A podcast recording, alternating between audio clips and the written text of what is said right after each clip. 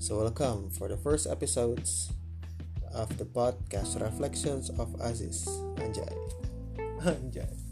5 menit setelah bikin trailer gue pengen langsung bikin episode pertama. Terlalu bersemangat. Tapi pada dasarnya kan gue bikin podcast juga cuma buat penyaluran cerita gue juga. Gue pengen orang dengar tentang cerita hidup gue. Gue tuh bikin sebenarnya bikin podcast tuh kayak yang setiap gue ketemu temen gue gitu gue cerita tentang hidup gue tapi kayak ada suara yang bilang tahan jangan dulu ini aib lu. Lu jangan sebarin ini ini aib lu. Terus gue bikin podcast. Kan goblok ya.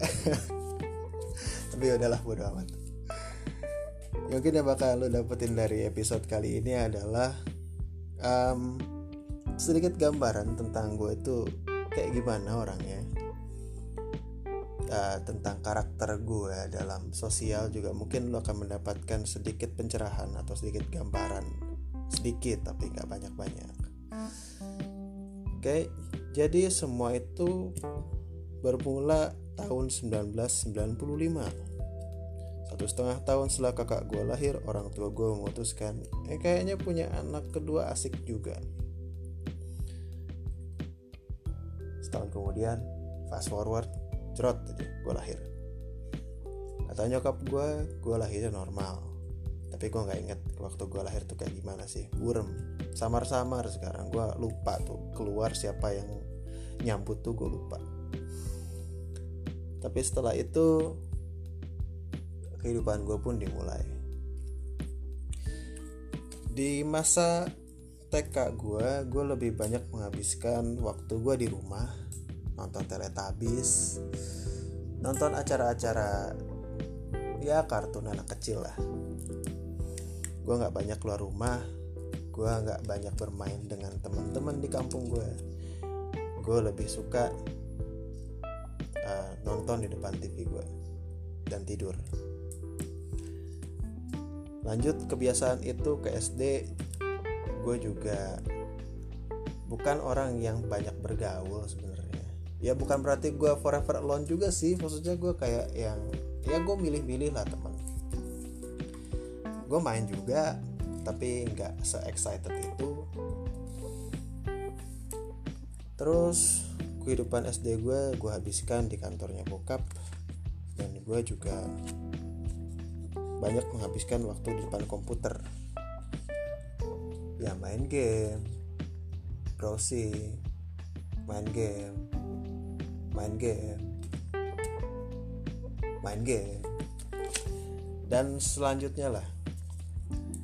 Gue ngabisin waktu buat main game. Gue inget banget tuh dulu yahoo.com tuh game asik-asik tuh. Sama satu lagi situs online sektor SK tuh. Gue inget banget. Gue dulu sering main-main di situ. Asik lah gue dan efek samping dari itu adalah gue tidak bisa menyalurkan uh, masa kecil gue untuk lebih sosial. Gue nggak bisa menyalurkan seperti itu. Beberapa kali emang gue ngundang teman-teman gue ke apa ke kantor bokap. Beberapa kali gue undang mereka kita main situ tapi ujung-ujungnya ya main komputer sih. Beberapa kali ya kita main nangkep belalang terus kita mainin belalangnya mati sudah selesai. Ya namanya juga anak-anak lah. Permainan-permainan gak jelas kayak gitu. Tapi overall gue selalu menghabiskan waktu gue sendirian. Hal itu berlanjut ke SMP SMP pun gue sama. Uh, gue lebih banyak enjoy menikmati diri gue sendiri. Gue adalah orang lu kalau tahu misalnya waktu bocah-bocah kecil tuh suka ada anak sendirian ngabisin coba di pinggir kelas. Nah itu gue. Gue tipikal yang kayak gitu. Tapi karena berhubung dulu gue gak ada coba gue makanya cimol. Dulu di sekolah gue gak gak jualan tuh padahal tuh enak banget anjir gue tipikal orang yang seperti itu. Teman ada teman pun ada. Cuma gue nggak yang excited aja gitu. Kayak nggak masuk gitu. Gue tidak masuk dalam tatanan pergaulan teman-teman gue pada saat itu. Sampai akhirnya waktu SMP gue pun ngerasa hampa. Gue ngerasa lebih ke iri sih ke teman-teman yang mereka bisa ngabisin waktu sama yang lain. Mereka bisa main game di apa di warnet. Mereka cabutan ke warnet. Mereka nongkrong di mana nggak tahu. Sedangkan gue kayak stuck aja gitu. Gue enjoy sama diri gue sendiri dan gue pun akhirnya ngerasa hampa. Itu kelas 2 SMP sampai akhirnya gue memutuskan untuk ngebuat blogspot dulu tuh sempet hits tuh kan bikin blogspot. Nah gue bikin tuh gue bikin blogspot.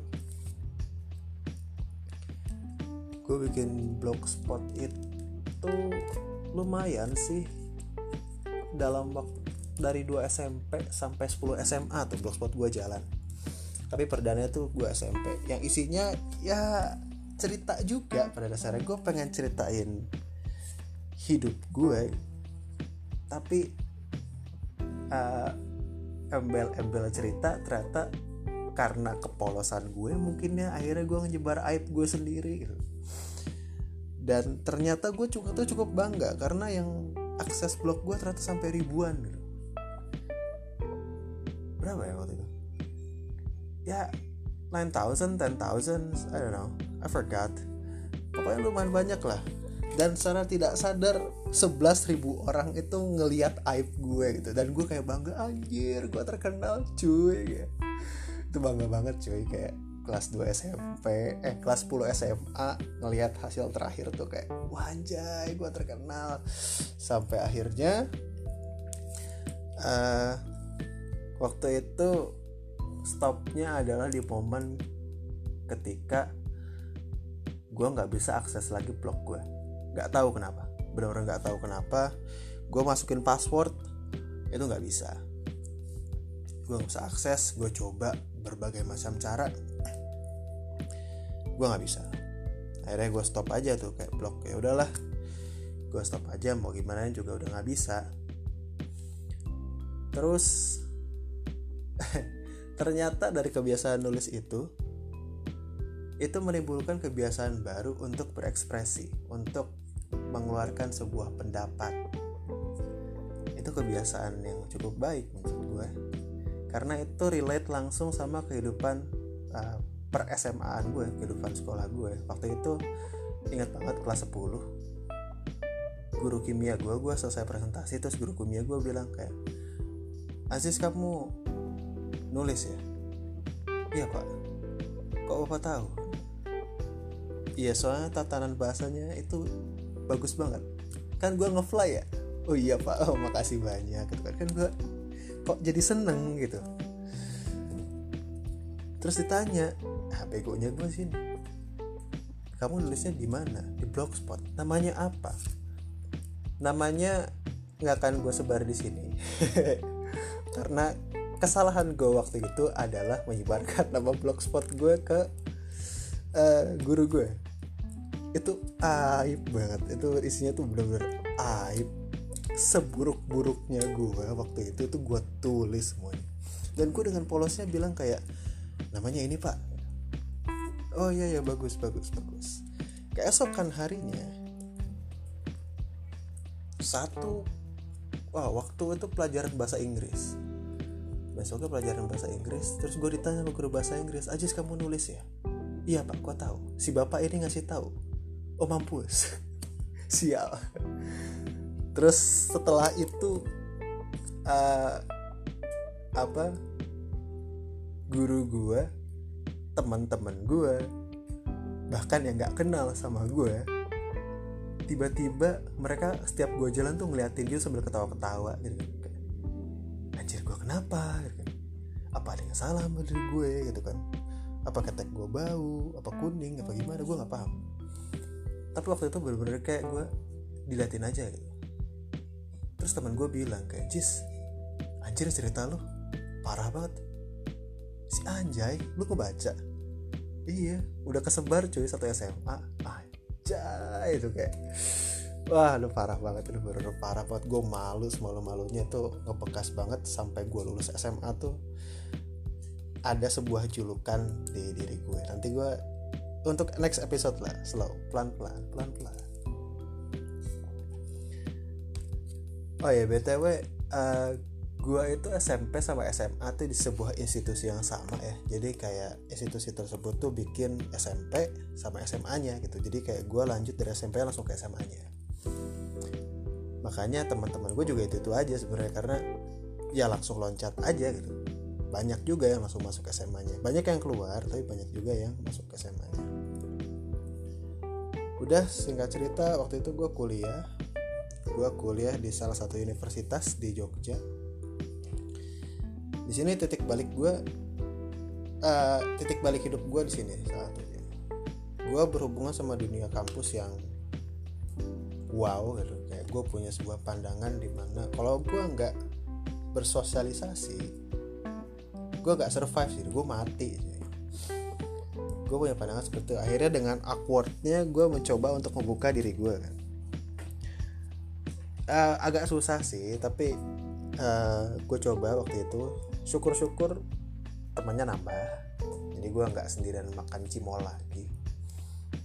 Seenggaknya makan cimol sekarang udah berdua gitu bertiga. Tapi yang penting gue nggak sendirian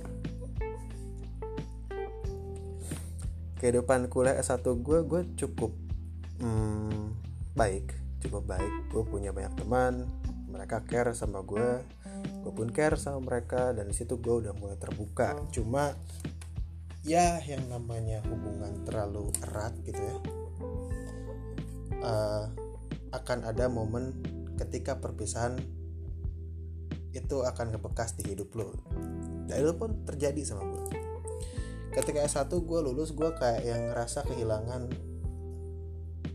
macam-macam gue kehilangan teman gue gue kehilangan sahabat gue gue kehilangan orang-orang yang biasanya gue jadi tempat gue cerita. Itu gue kehilangan semuanya sampai akhirnya gue pun kembali merasa hampa. Tahun 2018 gue lulus dengan predikat cum laude anjir sombong sih. Sombong. Nah sudah gitu. Uh, udah kayak gitu setelah gue lulus S1 gue pun kembali merasa hampa gitu kayak beda. Karena ketika orang cerita orang-orang kayak gue gitu gue tuh cerita ke orang yang udah nyaman. Dan gue akan cerita semuanya ke orang tersebut gitu. Gue nggak sembarangan cerita ke orang secara langsung ya cuma begonya aja gue bikin podcast sekarang tapi ya bodo amat lah. Secara langsung gue nggak sembarangan cerita ke orang. Jadi ketika gue ada jauh dari orang tersebut gue kayak yang ngerasa kosong lagi gitu. Gue kayak ngerasa kosong lagi. Tahun 2018 gue pun mencoba beberapa kali nulis lagi. Ya nulis artikel ya gue nulis WordPress. Gue sempat bikin WordPress juga dan beberapa situs-situs yang menawarkan fasilitas yang sama seperti Blogspot gue bikin tapi kayak feelnya tuh beda. Benar-benar feelnya beda. Selama satu tahun tuh gue ngerasa hampa banget. Gue ya ada orang buat cerita tuh ada cuma nggak bisa lepas aja gitu. Karena kan kan orang beda-beda ya. Kadang lu cerita ke si A tentang masalah contoh masalah keluarga lu. Lu ke si B cerita tentang masalah pertemanan lu. Lu ke si C ngomong masalah yang serius-serius. Ke si D ngomong masalah yang uh, ringan-ringan. Jadi kayak semua beda. Nah circle gue waktu S1 tuh seperti itu. Dan gue belas hilang. Orang-orang tersebut tuh hilang. Gue hampa banget waktu dalam durasi satu tahun. Gue tuh ngerasa hampa banget uh, sampai akhirnya waktu itu gue uh, memutuskan untuk uh, melanjutkan ke S2 waktu itu gue apply di salah satu beasiswa ke luar negeri S2 uh, cukup lancar perjalanannya tapi uh, gue memutuskan untuk menstop progres gue gue stop pokoknya gue nggak ngambil beasiswa tersebut dan gue ngambil beasiswa dalam negeri. Gue ada alasan tersendiri itu cerita lain. Tapi ada alasan tersendiri kenapa gue stop untuk beasiswa keluar. Akhirnya gue memutuskan untuk ikut beasiswa dalam negeri dan syukur gue lolos. Syukur gue lolos di beasiswa tersebut dan sekarang ini gue sedang duduk di S2 di S2 gambaran aja ya. S2 itu kayak anggota kelas gue percampuran sama anak seumuran gue sama ada yang lebih tua ada yang lebih muda juga. Dan itu kayak bener-bener random. Waktu S1 tuh anaknya seumuran gue semua. Orang-orang seumuran gue semua tapi ketika S2 itu ada yang lebih tua tuh jadi kayak awkward gitu gitu ya mungkin kalau misalnya untuk cerita hal-hal yang berat ya mungkin bisa cerita kayak yang lebih tua tapi gue nggak butuh itu gitu. bukan nggak butuh sih gue bukan waktunya gue cerita hal-hal seperti itu gitu. bukan nggak feel aja gitu kayak gini lah kayak lu pernah gak sih kayak lu cerita hal yang ringan-ringan ke orang tua lu gitu terus tiba-tiba ujungnya jadi kayak ajengan gitu. Nah gue nggak gue nggak dapat feelnya gitu. Rasanya tuh kayak gitu, gue mencoba beberapa kali cerita kayak yang lebih tua sama orang-orang yang mungkin sedikit lebih muda dari orang tua gue sendiri. Dan itu feedbacknya tuh beda. Beda banget. Ya gue mencoba beradaptasi di kehidupan S2 gue syukur sih bisa beradaptasi dengan baik. Cuma uh, nggak tahu sih bisa disebut durasi pendek atau durasi panjang tapi dalam waktu sebulan dua bulan sebulan dua bulan. Ah, bulan uh, sekitar tiga bulan lah gue baru bisa mendapatkan beberapa orang yang nyaman untuk gue ajak cerita walaupun memang belum semuanya. Belum semuanya gue bisa keluarin gitu karena kehidupan S2 gue juga ya um, menarik menarik. Cuma itu cerita lain. Lah itu sih ya. Akhirnya dalam waktu beberapa bulan tersebut gue menemukan orang-orang yang bisa gue uh, ceritain tentang kehidupan gue. Cuma feelnya beda. Mungkin karena tahap pendewasaan juga kali ya. Feelnya tuh beda aja gitu. Feedback yang gue rasa tuh beda. Somehow gak tahu kenapa. Gue juga masih mencari jawabannya tapi gue nggak tahu kenapa. Ketika gue cerita ke teman gue yang S2 feedbacknya tuh tidak seperti apa yang gue rasakan. Ada yang memang uh, enak untuk diajak sharing tuh ada. Cuma kembali lagi gitu kayak inilah kenapa gue bikin podcast ya poinnya di sini. Alasannya adalah karena ketika gue cerita ada dalam diri gue yang kayak ngerasa kalau misalnya lo cerita ini ke teman lo itu nggak baik men. Kayaknya dia belum siap untuk mendengarkan ini gitu. Karena pertemanan gue tuh masih dibilang cukup singkat satu tahun aja belum gitu. Jadi kayak belum waktunya aja gitu. Akhirnya gue bingung kan kayak gue pengen cerita banyak banget di kepala gue nih yang pengen gue omongin banyak banget di kepala gue yang pengen gue sharing ke orang. Akhirnya gue uh, mikir cara gue kenal lah yang namanya podcast.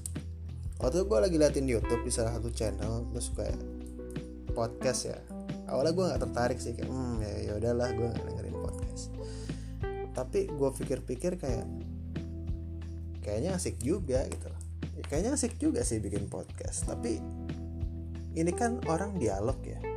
Ya gue nggak nggak semuanya bilang orang dialog gitu tapi hal-hal yang lumrah dalam sebuah podcast itu adalah aktor satu aktor dua aktor tiga mereka berbincang-bincang dengan topik yang satu dan itu akan relate kepada topik-topik yang lainnya. Kan seperti itu podcast tapi gue enggak. Gue pikir kayak kalau misalnya gue bikin podcast ini akan menjadi sebuah hal ini akan menjadi monolog. Gue akan cerita aja gitu. Sekarapnya gue lah gue pengen cerita aja. Akhirnya gue tanya ke beberapa orang kalau gue bikin podcast gimana? Ya syukur responnya positif. Dan ini adalah proses gue juga ngebikin.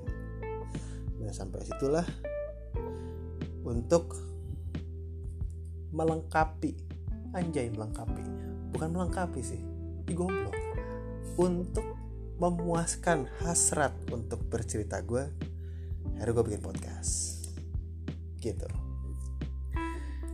Ya gue sebenarnya agak ragu sih kayak sampai detik ini gue bikin pun ada rasa-rasa terbayang gue ragu apakah ini bisa memenuhi uh, keinginan gue untuk bercerita. Tapi ya kita lihat aja. Kalau misalnya gue emang enjoy bikin ya gue akan terusin ini. Tapi kalau misalnya emang enggak gue juga akan terusin ini. Karena gue nggak tahu lagi gitu kayak ini kayak jadi desperate ways nya gue gitu loh kayak pengen cerita gitu. Tapi enggak lah. Gue udah mikir kayak gue akan komitmen untuk mengelola podcast ini dengan baik gitu loh. Karena gue pun sebenarnya punya hobi untuk uh, bertukar pikiran. Dan sejauh ini bertukar pikiran terbaik adalah dengan diri gue sendiri.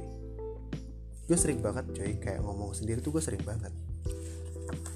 Kayak gue pengen ngomongin ini nih gitu tapi nggak ada orangnya. Ya udahlah gue ngomong sama diri gue sendiri aja beberapa kali gue ke gap kok sama orang tua gue kayak gue lagi ngomong sendiri tiba-tiba pintu kamar gue dibuka. Terus kayak dari muka-mukanya tuh kayak mikir ini anak kenapa? Ini apa kesurupan?